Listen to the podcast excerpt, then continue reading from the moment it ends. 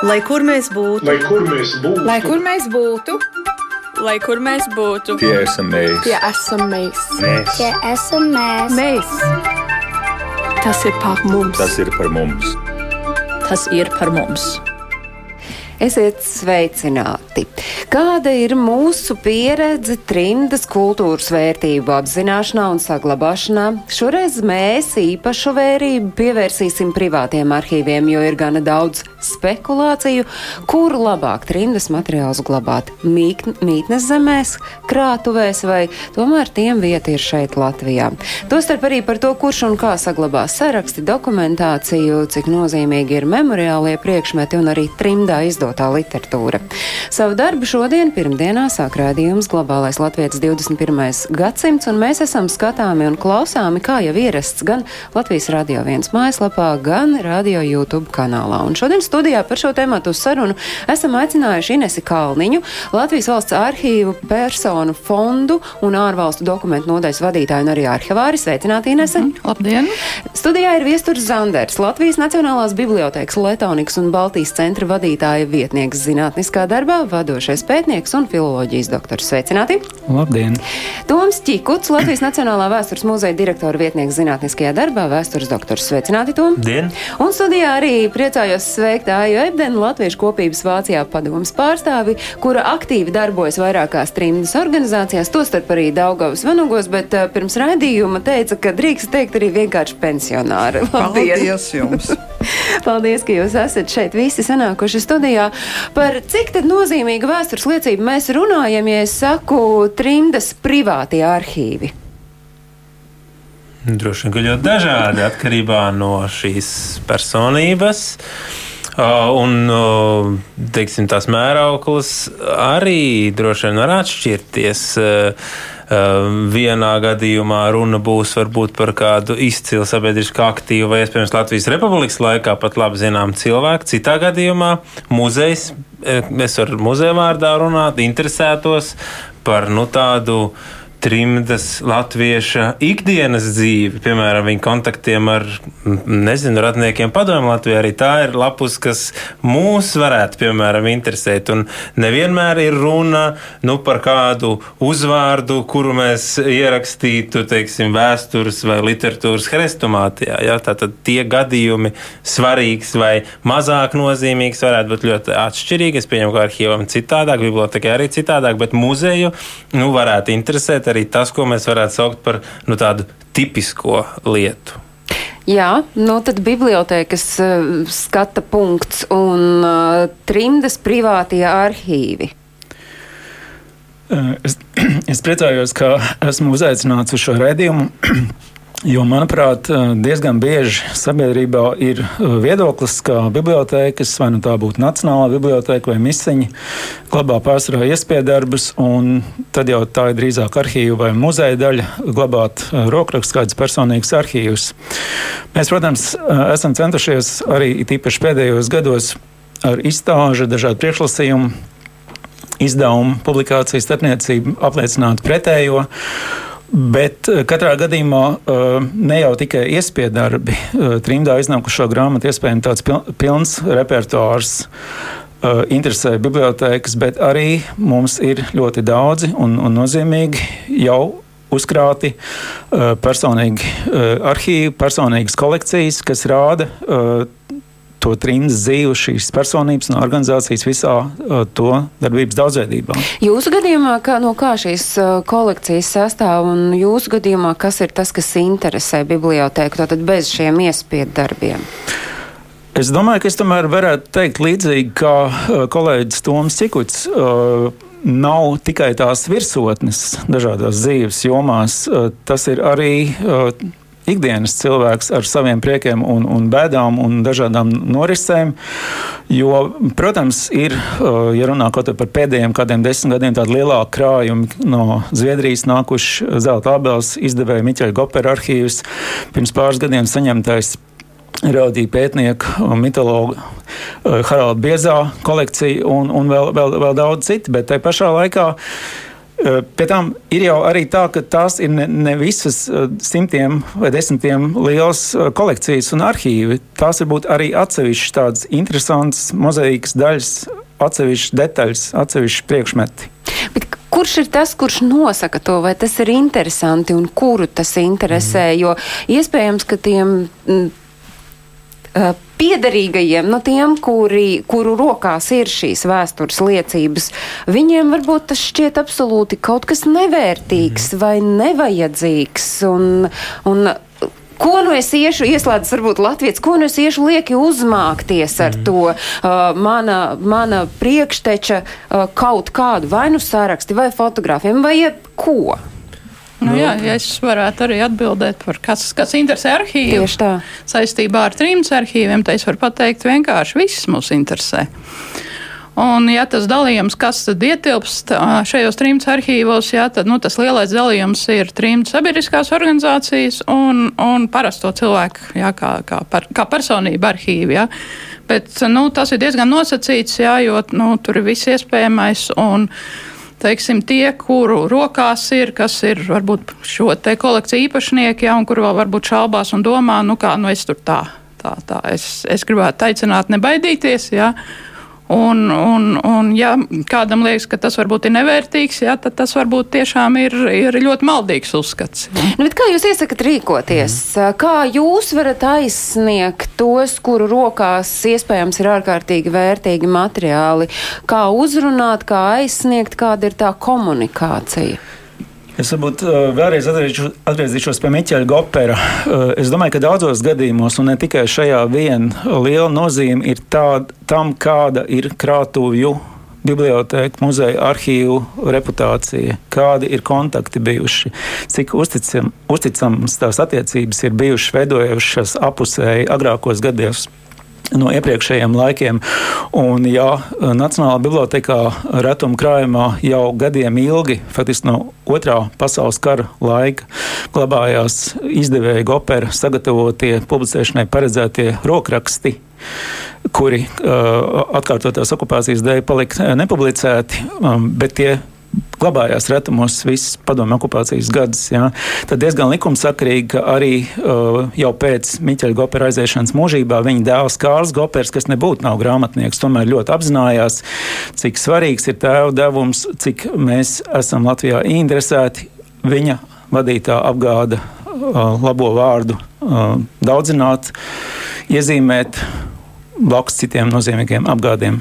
Nu, biežākos gadījumos tie ir tie piederīgie, kuri uzmeklē to vietu vai to muzeju vai arhīvu vai Nacionālo biblioteku vai jebkuru citu krātuvi, kur nodot glabāšanā tos vēstures materiālus. Mm, tas ir faktiski abējādi. Es varu par pagājušā gada nu, braucienu uz Stokholmu vai ekspedīciju, mēs varētu uh, saukt to tā Nacionālā vēstures muzejā speciālistu, un tur bija divi gadījumi. Viens gadījums bija piederīgo uzrunāts muzejs, vai jūs tas varētu interesēt? Tas bija Valdemāra Ģintera gadījums, kur mums jau bija kontakti ar dzimtas piedarīgiem.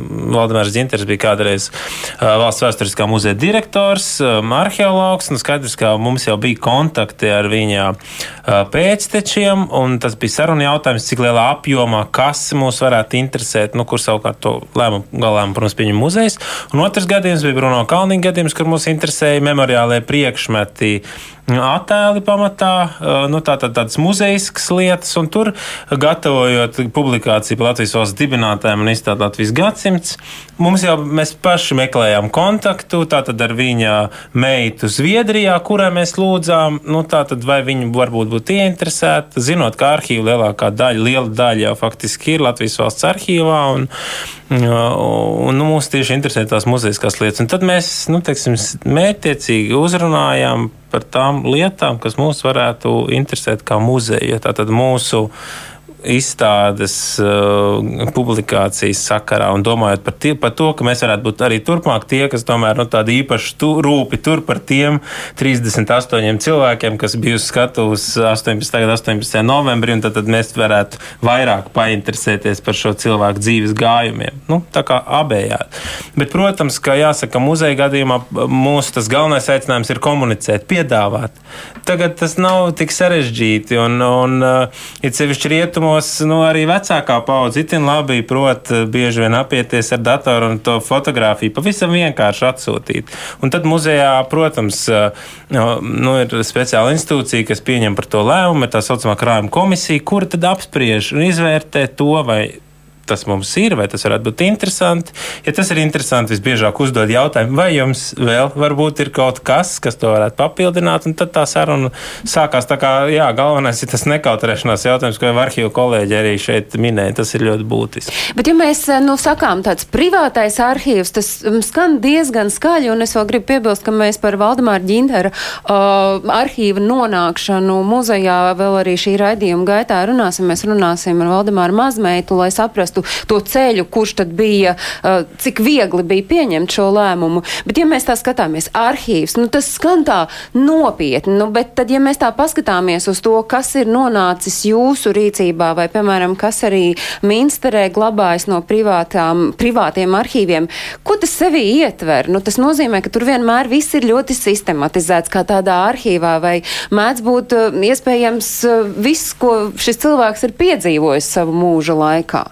Nu, es vispirms gribētu pateikt paldies Latvijai un insta Latvijas instancēm par to interesi, kas ir sākusies par visām, ši par visām šīm lietām, jeb šiem krājumiem, kas glabājās ārzemēs. Nu, mans, man, es vairāk, zinu, vairāk zinu par Eiropu, nu, un mana mīļā vieta jau, protams, ir Minstere kopš 1957. gada.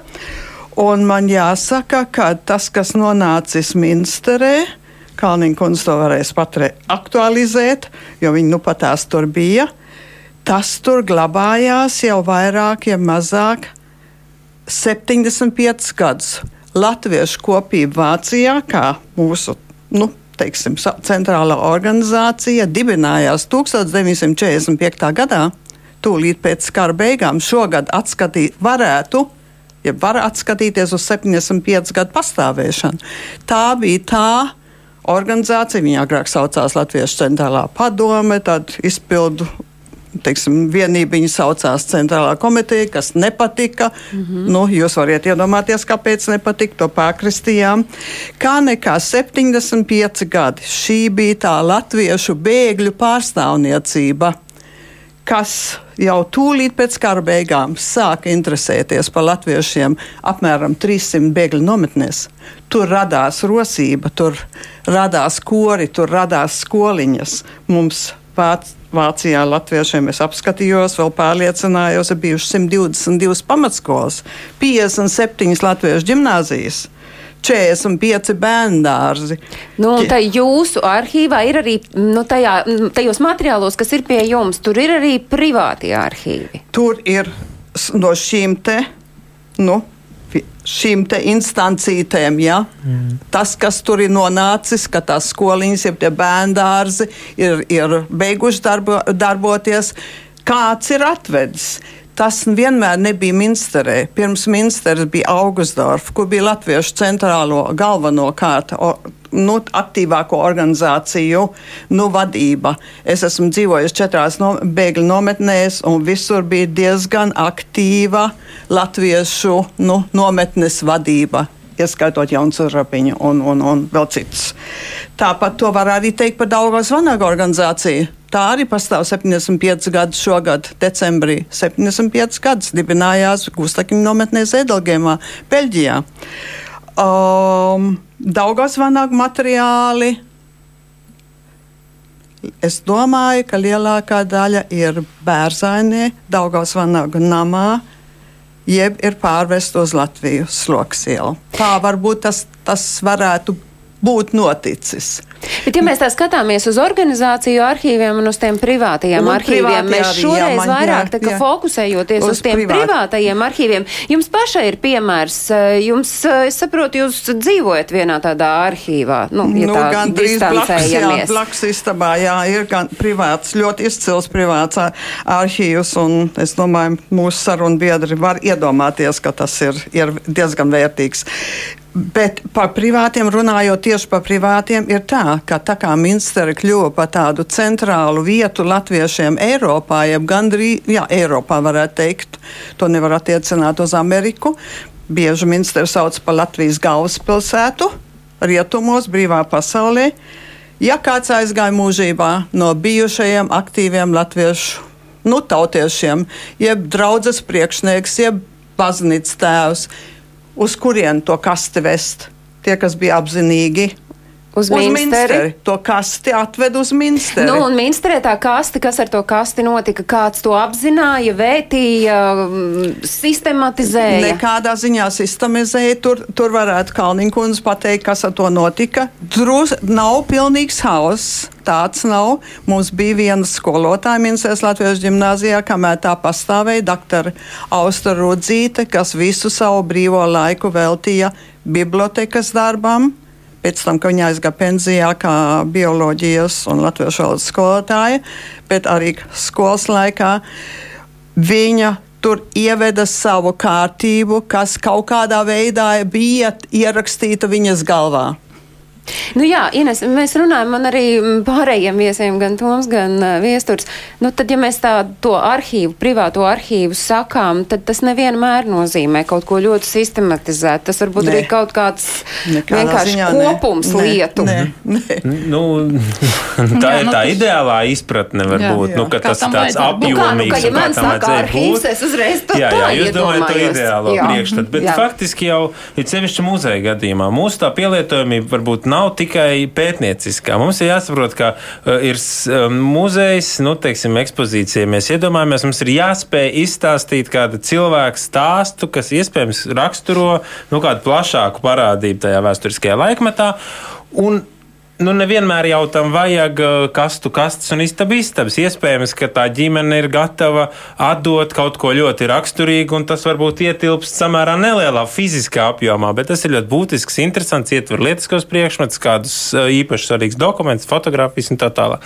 Tā pašā laikā droši vien ir, un es zinu, ka valsts arhīvā un arī bibliotekā glabājas ļoti apjomīgi personu dokumentu fondi, kur tiešām šis cilvēks jau mūža gaitā ir vācis, rūpīgs, izsnotizējis, piemēram, visu savu sarakstu pa gadiem un, un tā tālāk. Un tas daļai attiecas arī, piemēram, uz Valdemāru Ģinteru, ko mēs pārvedam. Tur tieši tas gadījums bija. Tur ir arī sarakste, viņa sarakste, tā gan nav organizācijas, viņa kā privātpersonas sarakste ar dažādiem trimdas, citiem aktīvistiem, izdevējiem un tā tālāk.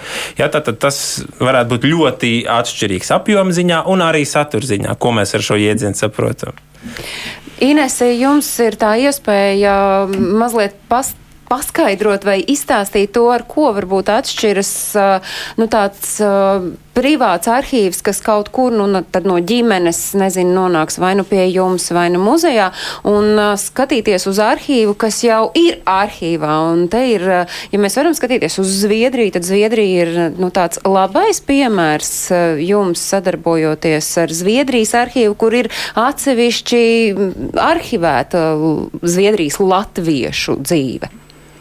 Nu, Zviedrija, Zviedrijas stāsts ir diezgan unikāls. Jā, ja līdz šim, teiksim, Latvijas arhīvos bija valdīja uzskats, ka visam, kas ir radies trimdā, jānonāk Latvijā, jā, tad, tad jā, pēdējos gados šis uzstādījums ir mainīts, jā, un mēs vairāk skatāmies, ja Trījus mītnes zemē ir iespējas saglabāt, ne tikai glabāt. Jā, tas ir praktiski vienmēr mm. arī pirmais jautājums. Jā, mm. Ja jūs tagad arī, arī, arī diezgan daudz diaspora interesējās par šiem jautājumiem, jā, par arhīviem, ka mēs gribam savu vēsturi tur dokumentēt un saglabāt, jā, un ko mums darīt. Jā, tas ir pirmais jautājums. Vai jums ir telpas? Jā.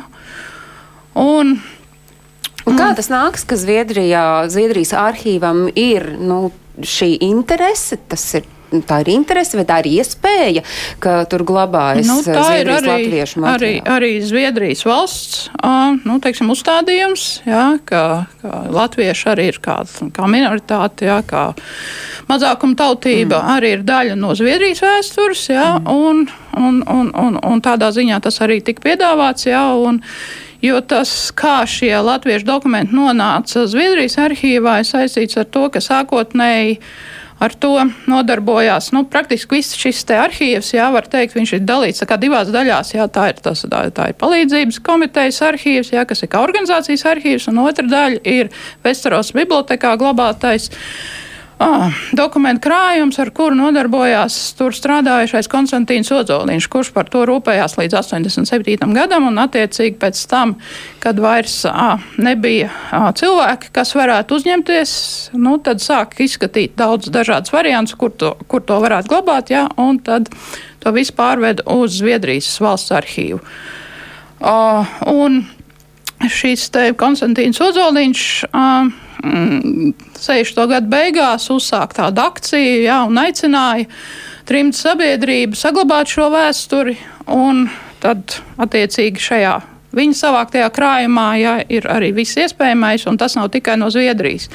Bieži vien tas ir ā, saistīts ar kādu personu, kas ir be, devusies bēgļu gaitās no Latvijas uz Zviedriju un pēc tam devusies kaut kur tālāk, uz kādu citu zemi. Jā, un tad varbūt tas garāks vai īsāks laika periods, ko, ko šī persona ir pavadījusi Zviedrijā, ir atstājis kādu nu, iespaidu, jā, un tad šī persona ir izvēlējusies, jā, ka varētu šos šo savu arhīvu glabāt Zviedrijā, vai, vai, vai būt jā, kaut kas cits ir uzrunājis, kāds, kāds apstākļus, jā, vai, vai vienkārši nu, bija skaidrs, ka kaut kur tas jāsaglabā, jā, un šajā gadījumā likās, jā, ka arī šī biblioteka varētu būt um, nu, stabilāk, nozīmīgāk jā, un drošāk nekā vienkārši varbūt kādā latviešu centrā glabāt, jā, kas kā, kā latviešu centrs jau arī nemaz nav tas sliktākais variants. Jā. Tas ir tik ilgi, kamēr šis centrs netiek pārdots nu, kas tagad pēdējā Kamēr laikā. kāds to arī var uzturēt. Jā, jā. Tas un vai arī. tas ir pietiekami droši, vai tur nav tā, ka nu, drošība jā, gan, gan tīri fiziskā ziņā, jā, vai nav tā, ka katrs var nākt un iet un ņemt un likt un nenolikt, jā, beigās, Mhm. jā, nu, tā arī ir diezgan liela problēma. Ja mēs tagad skatāmies uz šo Zviedrijas piemēru, tad Latvijas uh, valsts arhīvam ir skaidri zināms, kas tur glabājas, un ja kādam ir kaut kas nepieciešams, tad jūs zināt, ka tur Zviedrijā tas ir.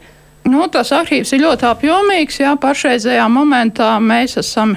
Uh, Nu, skaidri zinām, kas glabājas aptuveni vairāk par 600 kastēm, kas tajās ir arhīvu kastēs. Jā, un, uh, mēs ļoti ceram, ka mēs varēsim šo iesākto projektu arī pabeigt. Jā. Un tad tālāk tad arī šis. Bet te... projekta laikā ir plānots, kas jau ir izdarīts un plānots, ko izdarīt. Jā, mēs gribētu pabeigt. Mēs gribētu pabeigt, jā, un ļoti ceram uz to.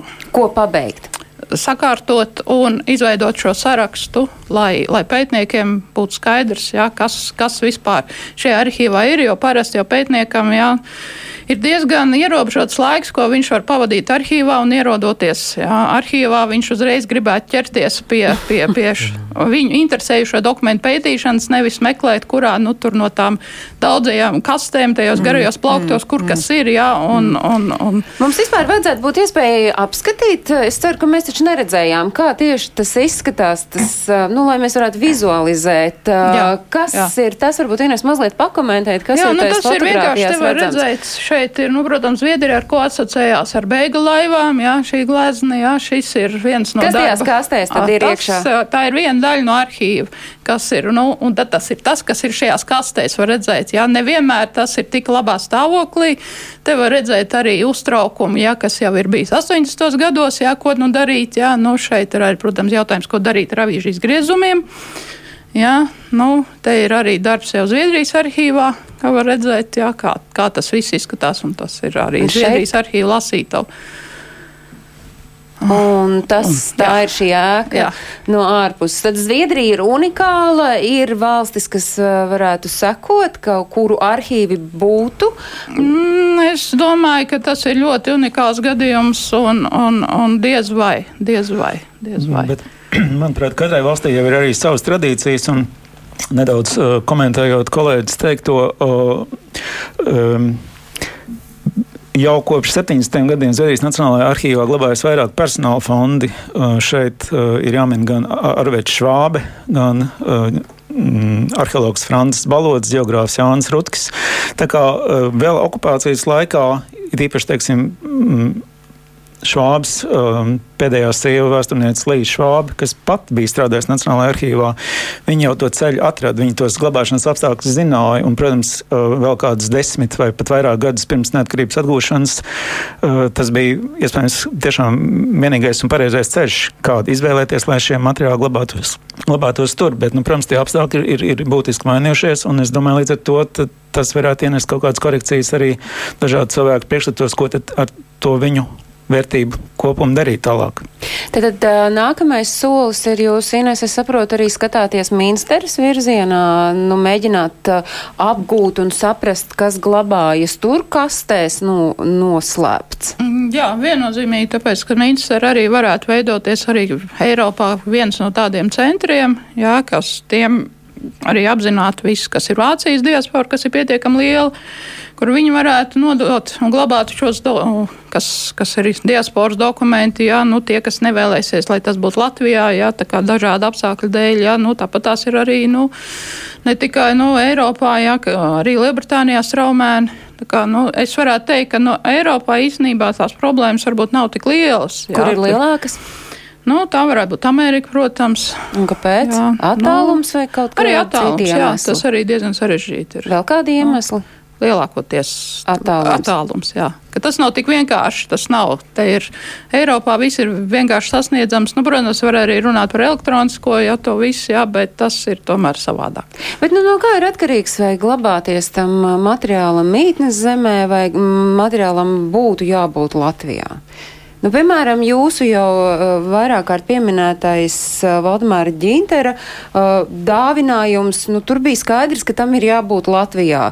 Jūs to zinājāt, muzejs gribēja, lai tas nonāk Latvijā, vai tomēr arī piederīgie savu pirkstu pielika pie mhm. tā, ka tam ir jābūt Latvijā? Es domāju, abējādi. Pirmkārt, protams, jāuzteic piederīgie, kuri šajā gadījumā gandrīz jāsaka, nu, tā kā mudināja muzeju, nu, kad jūs beidzot tā kārtīgi pieņemsiet lēmumu un, un, un brauksiet brauksiet pie mums ciemos. Un, un no otras puses, protams, mūsu gadījumā bija tāda, nu, kā teikt, ļoti spēcīga piesaiste tieši šai personībai. Tas bija mūsu kādreizējais muzeja direktors un ar ļoti ievērojamu lomu Latvijas vēsturē un arī otrā pasaules kara laikā ļoti aktīvi līdzorganizējis bēgļu laivu kustību uz Zviedriju. Viens no faktiski tiem drosmīgākajiem organizatoriem kurzemes krastā un, un faktiski arī Zviedrijas Latvijas latviešu tās sabiedriskās dzīves viens no organizatoriem pēc otrā pasaules kara, un mums bija skaidrs, ka mēs esam tajā ieinteresēti. Nu, tā ir tā būs satikšanās pārliecība, ka tam tomēr ir jābūt šeit Latvijā. Gan rādu, kuri itin bieži un kuriem ir cieši kontakti ar Latviju, gan arī mūsu, ka tā, tā vieta tomēr ir pie mums un tieši mūsu muzejā. Nu, pie šī muzeja vērtīgā dāvinājuma vaininiece mēs esam priecīgi sveikt arī mūsu šīs dienas raidījumā Bāja Beglāja Valdemāra Ģintera mazmeita, un ar Baibu mēs šobrīd esam sazinājušies. Sveicināti, Baiba! Labdien! Paldies par to, ka jūs esat kurbulējusi visu šo procesu un ka jūsu dāvinājumi ir nonākuši Nacionālajā vēstures muzejā. Un tomēr te jau Toms ieskicēja, kas bija jūsu vecstāvs, bet ja jūs no sava skata punkta kā mazmeita teiktu, nu kāpēc e, jums bija svarīgi, ka tā, tās vēsturiskās liecības, kas ir dzimtai, tomēr nepaliek dzimtai? Es domāju, ka tas ir tas pats pasākums, kas īstenībā skar jebkuru ārzemju, ārzemēs um, dzīvojošu un tur arī aizgājuši viņa saulē uh, ievērojamu sabiedrības darbinieku un latvieti. Viņa arhīvi interesē iespējams viņa bērnus.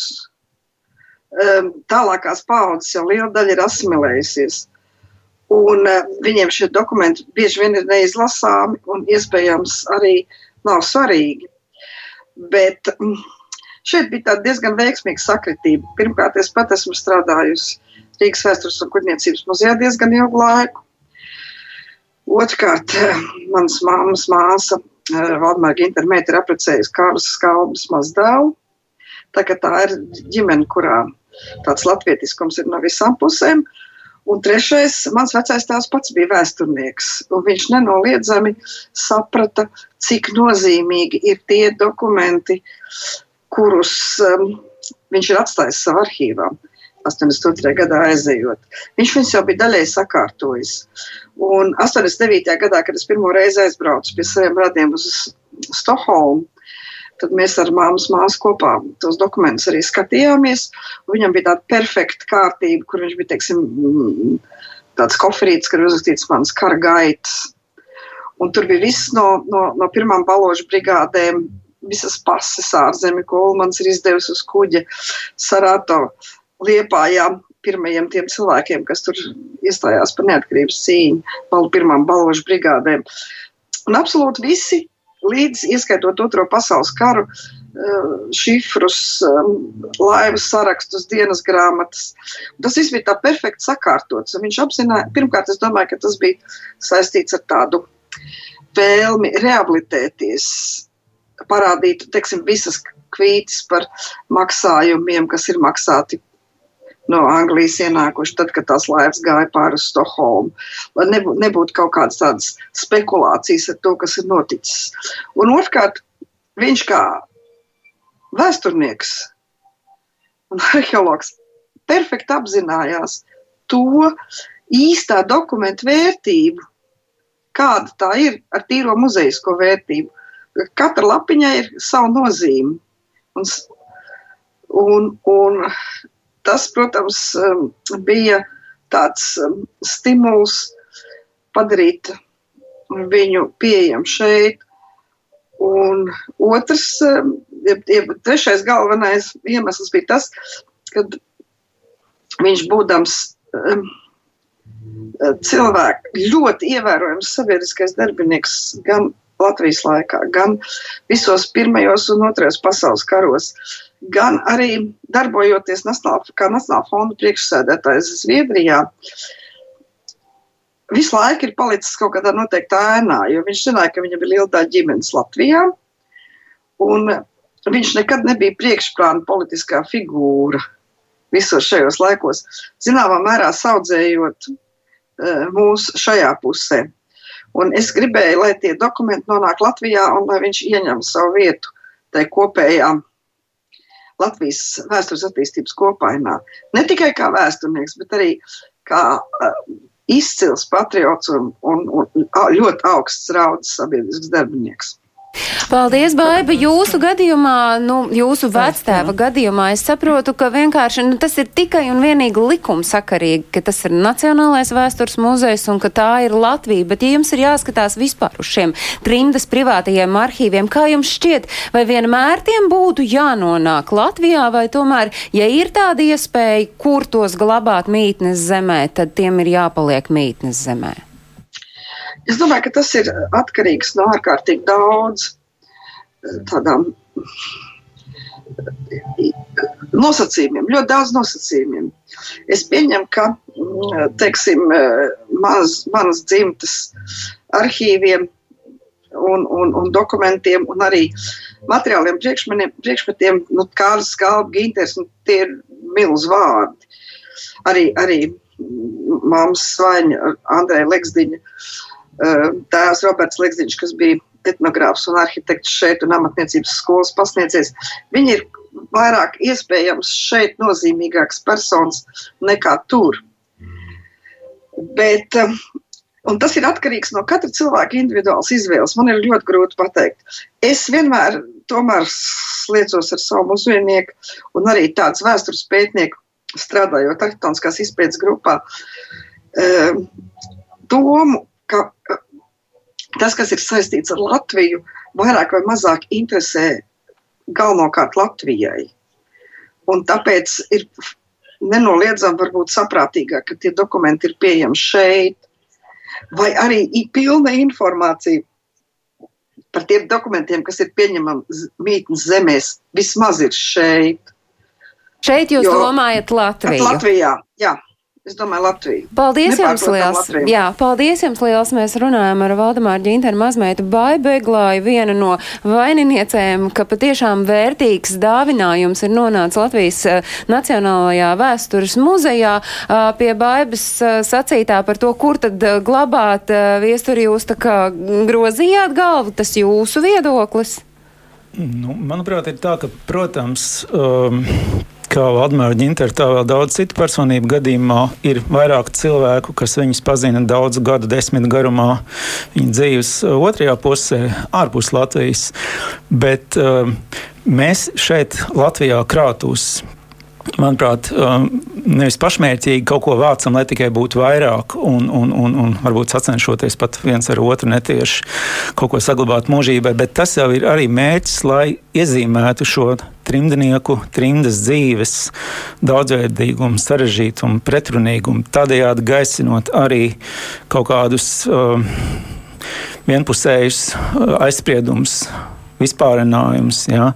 Un, un gal galā šeit, uh, piemēram, arī līdzi paņemta viena burtnīciņa, kurā Gunārs Janovskis ir uh, rakstījis savu uh, šobrīd filmas veidolā pazīstamo um, romānu pilsēta pie upes. Tas Nacionālā bibliotekā līdz ar citiem Gunārs Janovska materiāliem nonāca pēc rakstnieka simtgadsimta. 2016. gadā. Un tā atkal bija uzticam, uzticība no rakstnieka atraitnes puses. No mums visiem labi zināmās arī Ines Auziņas Smits starpniecība mm. šeit bija neaizstājama. Un ir pilnīgi skaidrs, būsim realisti. Nedzīvosim ar rozā brillēm, kā par uh, Janovski. Uh, kā par personību kompetentāku, var uzrakstīt vairāk. Tajā ir interesēti pētnieki šeit uz vietas, un arī tajā jaunajā dienas grāmatas uh, pētījuma romāna ciklā es esmu. Ir paredzēts gan romāns, gan pētījums par Gunāru Janovsku. Es zinu, ka gan Osvalds Zebers, gan arī Ingūna Daugs Silsproģi jau strādā ar šiem materiāliem, kas glabājas Nacionālajā bibliotekā. Tad, tad tomēr šeit Latvijā, mm, ja vien tas ir iespējams, un ja vien ir iespējams uzrunāt arī šos piedarīgos, mums pirms mirkļa fonā bija redzami daļa, nu, pavisam neliela daļa, saprot, no tiem mm. vērtīgajiem dāvinājumiem, ko jūs esat saņēmušies. Var lūgt kolēģis vēlreiz parādīt, un jūs to varētu mm -hmm. mazliet nokomentēt, kas ir tas, lai saprastu, kas ir tas vērtīgais šajos privātajos arhīvos, gan ļoti sakārtotajos, gan iespējams netik Jā, nu, tātad te ir mm, faktiski, kā jau Bāja piezīmēja, tas ir tas mūža gājums pats par sevi, jā, tātad ģinters Londonā tur bija Ulmaņa izdotā pase, šeit ir pats pēc formas unikāls priekšmets, jo ģinters viens no pirmajiem, kas aktīvi pa, pa krāsu fotografiju interesējas un krāsu diapozitīvu uzņemt. Te ir studentu bataljona nozīme, un te faktiski ir unikāla kolekcijas daļa.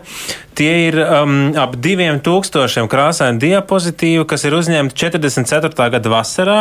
Viņš tātad ir fotografējis, sadabūjis krāsu filmas, kas tam laikam kaut kas unikāls. Viņš ir sadabūjis krāsu filmas, lai nofotografētu pirms evakuācijas uz Vāciju un šīs slavenā Mērijas Grīnbergas ceļojuma, lai nofotografētu muzeja krājuma vērtīgākās etnogrāfijas kolekcijas daļas. Un tad, tad tur ir nofiksēts, kā 47. gada vasarā izskatās cimdi vilēnas un tā tālāk. Tas ir unikāls jaunatradums. No šeit ir viens arī krāsains uzņēmums no 38. gada, un faktiski tas pats par sevi jau no šī stāsta viedokļa. Tur ne tikai runa ir par ģinteru, tur ir runa par kaut ko jaunu Latvijas vēsturē, tā kā nu, um, abējādi. Un, nu, Tā tad, jā, tas bija ļoti bagātīgs. Un, protams, kā muzejs, ja šeit viens lietiskais priekšmets, karodziņš, kas bija ielocīts brīļu makā, protams, muzeju jau ļoti interesē šie lietiskie priekšmeti, šīs simboliskās lietas, jo mūsu misija jau ir arī nu, tādai plašai uh, sabiedrībai šo stāstu nodot tālāk, nu, tajā formātā, kurā mēs strādājam, izstādēs, ekspozīcijās, tematiskos pasākumos. Ja, tātad pētnieki, protams, un uh, saglabāt pētniecībai, bet otrs ir, nu, te, teiksim, to simbolisko stāstu, iemūžināt šo cilvēku ar šo viņa, viņa dzīves stāstu, tā lai tas būtu nu, muzejā pieejams. Un... Bet šajā gadījumā te ir viss ir sakārtots. Tur, kur ir nonākušas uh, vērtības arī kādos fondos, tur arī viss ir sakārtots. Jums viestur ir piemēri par, par fondiem, par kuriem es gribētu, lai jūs plašāk pastāstāt. Um, nu, ja nopietni nevisai nojaušu, uz ko tiek mācīts, eh, bet uh, gan Gopera uh, fonds, gan arī Haralda Biezā materiāli ir jau ļoti nopietni pašu fondražu sistematizēti. Ar Gunāru Janovsku materiāliem varbūt ir nedaudz citādāk, bet nu, katrā gadījumā gan bibliotekām, gan, gan citām krātuvēm jau ir savas tradīcijas, kā viņi šo, šo materiālu organizē. Es domāju, tur nekādas īpašas problēmas nav. Savukārt jums, runājot par jūsu mājās esošo AI privāto fondu, ko jūsu vīrs ir savā, sa, sagrupējis, vai vēl tomēr Nav, nē, ne, tas vienkārši atrod, ir. Viņš atrod viņš jūs. Atrod savā, es teiktu, tagad tā pozitīvā, negribu lietot negatīvu izteiksmi, bet savā nekārtībā viņš atrod to, ko viņam lūdz, jo viņš daudz raksta, viņam jautā, viņam, viņš sniedz izziņas par literatūru, viņš ir literatūra zinātnieks, nu, ģermanists Amerikā bija. Viņam ir plaša zināšanas par jeb, gandrīz par jebko trimdas sabiedriskās dzīves jomās, divreiz divi nometnes, ja, uh, uh, Amerikas Latviešu apvienības jaunatnes priekšnieks, jaunās gaitas pirmais redaktors. Ja, un, un, Mēs runājam par Valteru Nolendorfu, tiem, tā. kuri nav vēl visas tur radniecības saites apzinājuši. Katrā ziņā bet... viņam vajadzēs palīdzību vienu dienu, tik līdz viņš varēs pilnīgi oficiāli nopriecāties, ka okupācijas muzeja galvenie darbi nu, ir varētu nodot.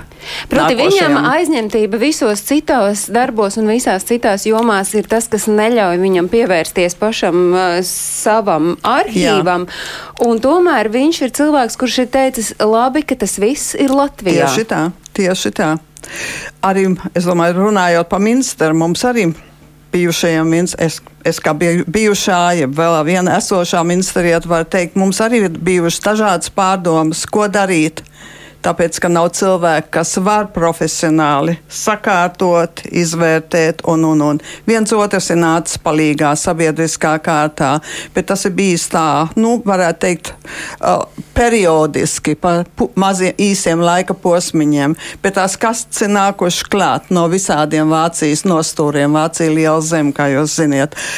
Uh, kas tur ir daudz, nekārtība varētu būt kārtīgāka. Uh, Um, un mums arī bijušas pārdomas, vai vienu dienu visu atvest uz šejienu. Bet mēs esam arī, ir viena daļa atvesta. To Kalniņš zinās, tas ir ļoti skaisti arī šeit dokumentē, dokumentēts. Ir atvesti materiāli par pirmiem trimdas, pieciem, sešiem, septiņiem gadiem, bet tur ietilpst, tā kā es lasu šeit, ietilpst arī materiāli, ko, kas ir starp šiem pirmiem trimdas, pieciem gadiem, ir iekļauti arī no 1919. gada, es te lasu. Ja? Kā nekā, Tas ir ļoti labi mums pašiem zināt, kas ir nonācis šeit labās rokās. Um, mēs esam arī tiešām domājuši un runājuši, tā kā nav cilvēku, profesionālu cilvēku, vai nebūtu labāk visu vienu dienu mēģināt atvest uz šejien. Pat vēsturnieks Kārlis Kangars man vienreiz ausīs iečukstēja, kas viņam prasīja, ko tu teiktu, jo viņš arī minister, bijušais ministerietis. Viņš teica, tas jau būtu labi, ja to varētu izdarīt. Bet tā kā Minsterē ir nams, latviešu nams, kas ir latviešu īpašums, latviešu centrs Minsterē ir biedrība, kas uztur arī namu, kas ir šī nama īpašniece. Un tur tur salīdzinoši drošībā. Tur ir telpas, ir. tur ir piemērot, ka to namu projektēja, tad pagraba stāvā arhitekti, trīs latviešu arhitekti, par viņiem mēs runājām pēdējā raidījumā šajā sakarā. Viņi ieplānoja arhīvam telpu. Tā kā tur ir samērā, es teiktu, laba izvie, labs izvietojums. Tādu nav visur. Nākošā vieta Eiropā tā būtu Anglija. Un tur arī ir laba kārtība, jo ja Auzīsmis kundze ļoti labi rūpējās, un viņa ir varējusi rūpēties. Viņai ir tie cilvēki, ja, bijuši, un viņa varējusi cilvēks piesaistīt. Mums tas nav izdevies, līdz šim nav. Cik lielu lomu pašā sarunas noslēgumā, cik lomu, lomu lielu šajā visā spēlē finansējums? Lielu. Nu, liela, jā, jo, teiksim, ģintera un kalniņa gadījumā, teiksim, viens privātpersonas vai divu privātpersonu gadījumā, nu, teiksim, veicot, zinām, kritisku atlasu, par ko arī, protams, ir jārunā. Nav tā, ka mēs gribam visu, un mēs gribam visu pārvest uz Latviju, jo visu saglabāt nekad nav iespējams, un arī droši vien, ka nevajag. Bet, nu, teiksim, viens, divas privātpersonas gadījumā mēs varam piepūst vaigus, mm. sakraut pilnus čemodānus un pārvest gandrīz ap prāmi pāri jūrai. Būs liela institūcija, kas ir darbojusies 45, 50 60, 75 gadus. Nu, skaidrs, ka fiziskai pārvešanai vien cik resursu nav nepieciešams. Nerunājot par to, cik vēl laika resursi mm. vajadzīgs tam, lai to visu kāds sakārtot. Jo pat, teiksim, ģintera un kalniņa gadījumā. Nu, lai aprakstītu katru šo priekšmetu un fotografiju, nu, jūs varat iedomāties 2000, 3000 negatīvu aprakstīšanu, katru kadru atrast un aprakstīt. Nu, Tieši tā, neraugoties uz to, ka vecīgs. mēs šeit runājam jau par ļoti sakārtotu no paša autora mm. arhīvu. Uh, Viestur, jums vēl ir dažas lietas, par kurām mēs neparunājām, pirms mēs noslēdzam raidījumu. Kas vēl ir jums uh, līdzi paņemts no tiem materiāliem, kurus jūs gribētu pieminēt un kāpēc? Nu, varbūt kā tāds pērnā gada Nacionālās ziloteks iegūms ir vēstuļu kopa, kuras savulaik uh, mākslinieks Niklaus Strunke uh, sūtīja. Izpušodams tos ar sev raksturīgiem zīmējumiem, uh, inženierim Artūram Ozolam. Viens zviedru kungs bija pirms kādiem gadiem vienā sīkuma tirgū vai utenī, kā mēs arī varētu teikt, Zviedrijā tos iegādājies. Tad viņš bija izmantojot tīmekļa iespējas, iegūlējot, sapratis, kas ir šis Niklaus Strunke. Un pagājušā gadā Niklāva Strunkas mazmeita Laila Strunke, arī mākslinieka Lara, Lara Strunkas meita uh, atveda uz Rīgu, un tas papildināja uh, Nacionālās bibliotēkas rokrakstu krājumu. Un, uh, ja skatās vēl uz vienu no vairākiem Haralda Biezā albumiem, kas ir arī mm, šeit um, studijā, tad um, arī Haralds Biezais ļoti uh, daudzpusīga, kolorīta, uh, pretrunīga uh, personība. Par to mēs vēl runāsim vēl pēc pāris mēnešiem, kad maijā, skatoties uz Biezā 25 gadu aiziešanu mūžībā, viņam tiks atklāta gan piemiņas zīme Lestenē, viņam tiks svarīgajā Latvijas vietā, un dienu vēlāk, 18. maijā, būs konferences Nacionālajā bibliotekā. Un, protams, tas viss nav iespējams. Un, uh, vienalga, vai mēs taisām kaut kādas ekspromptuma izstādes vai uh, konferences, uh, kurās ir nopietni pētījumi, ja nav šo materiālu. Tas uh, nozīmē, ka es saku paldies jums visiem par to, ko jūs darāt, un savukārt tie, kuri mūs klausās, nedzīvojot Latvijā, bet varbūt nojaušot, ka man varbūt ir kaut kas, kas jūs var interesēt, tad uh, iziet viens otrus uz komunikāciju, un es atgādinu, ka varat sazināties ar Inesu Kalniņu, kuru pārstāv Latvijas valsts arhīvu, varat ar Viesturu Zanderu sazināties, kurš savukārt pārstāv Latvijas Nacionālo bibliotēku, vai ar Tomu Ķīkutu no Latvijas Nacionālā vēstures muzeja, vai arī tikpat labi ar Latviešu kopības Vācijā padomas pārstāvi Āju Ebdeni. Tie ir mūsu šīs dienas globālā latviešu 21. gadsimta viesi. Paldies, ka jūs bijāt šodien studijā. Paldies, klausītāji, ka jūs mūs klausījāties. Es atgādinu, ka visus ārpus Latvijas svarīgos notikumus vienkops notikumu kalendārā jūs varat meklēt portālā latviešu.com. Tur arī varat skatīties rēdījumu globālais latviešu 21. gadsimts tieši tāpat kā rēdījumu jūs varat skatīties arī ieejot Latvijas Rādio 1 mājaslapā. Raidījuma atkārtojums skan svētdienā, kā jau ierasts, 5 minūtes pāri trījiem dienā, uzreiz pēc ziņām, kas skan trijos dienā, un mēs ar jums savukārt tiešraidē tiksimies akurāt pēc nedēļas pirmdienā 15 un 5. Paldies, ka bijāt kopā ar mums, un lai jauka atlikusī dienas daļa. Atā!